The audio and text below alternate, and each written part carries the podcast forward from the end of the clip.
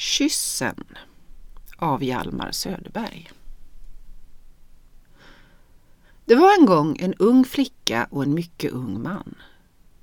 De satt på en sten vid en udde som sköt ut i sjön och vågorna skvalpade ända fram till deras fötter. De satt tysta, var och en i sina tankar och såg solen gå ner.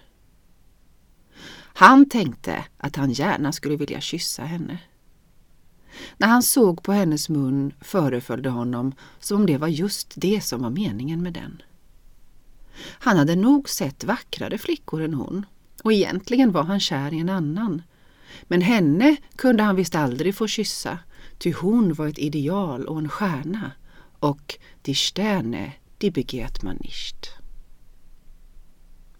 Hon tänkte att hon gärna skulle vilja att han kysste henne för att hon skulle få ett tillfälle att bli riktigt ond på honom och visa hur djupt hon föraktade honom. Hon skulle resa sig och dra kjolarna tätt omkring sig, ge honom en blick breddad med isande hån och gå sin väg, rak och lugn och utan onödig brådska. Men för att han inte skulle kunna gissa vad hon tänkte sa hon lågt och sakta. Tror ni att det finns ett liv efter detta? Han tänkte att det skulle gå lättare att kyssa henne om han svarade ja.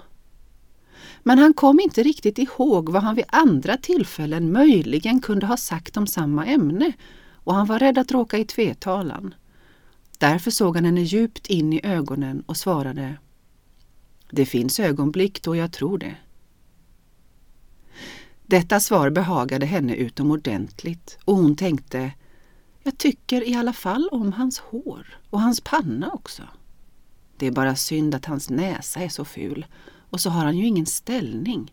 Bara en student som läser på prillan. Det var inte en sån fästman hon skulle förarga sina väninnor med. Han tänkte, nu kan jag bestämt kyssa henne.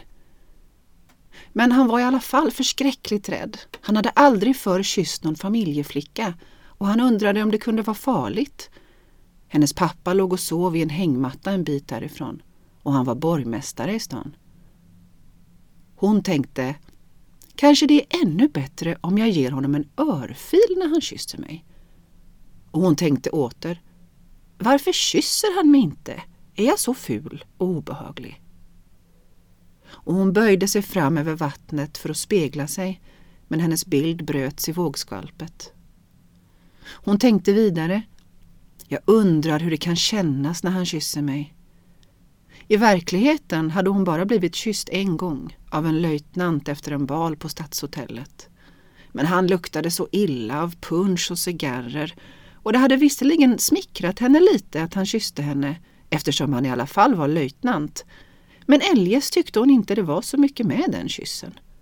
Och förresten hatade hon honom därför att han inte hade friat till henne efteråt eller ens brytt sig om henne alls. Medan de satt så var och en i sina tankar, gick solen ner och det blev skumt. Och han tänkte, eftersom hon sitter kvar vid min sida fast solen är borta och det har blivit skumt, så kan det ju hända att hon inte har så mycket emot om jag kysser henne. Och han la sakta armen om hennes hals. Detta hade hon inte alls tänkt sig hon hade trott att han bara skulle kyssa henne utan vidare och så skulle hon ge honom en örfil och gå sin väg som en prinsessa. Nu visste hon inte hur hon skulle göra. Hon ville nog bli ond på honom men hon ville inte heller gå miste om kyssen. Och därför satt hon alldeles stilla. Och då kysste han henne. Det kändes mycket underligare än hon hade trott. Hon kände att hon blev blek och matt och hon hade alldeles glömt att hon skulle ge honom en örfil och att han bara var en student som läste på prillan. Men han tänkte på ett ställe i en bok av en religiös läkare om kvinnans släktliv, där det stod man vakte sig för att låta den äktenskapliga omfamningen komma under vällustens herravälde. Och han tänkte att det måste vara mycket svårt att vakta sig för då redan en kyss kunde göra så mycket. När månen gick upp satt de ännu kvar och kysstes. Hon viskade i hans öra. Jag älskade dig från första gången jag såg dig. Och han svarade För mig har det aldrig funnits någon annan i världen än du.